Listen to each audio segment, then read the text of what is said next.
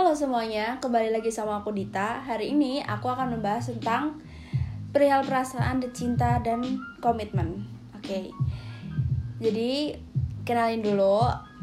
Aku kuliah di Universitas Gajah Mada. Aku angkatan 2019. Oke, nggak usah basa-basi, kita langsung aja ke podcastnya.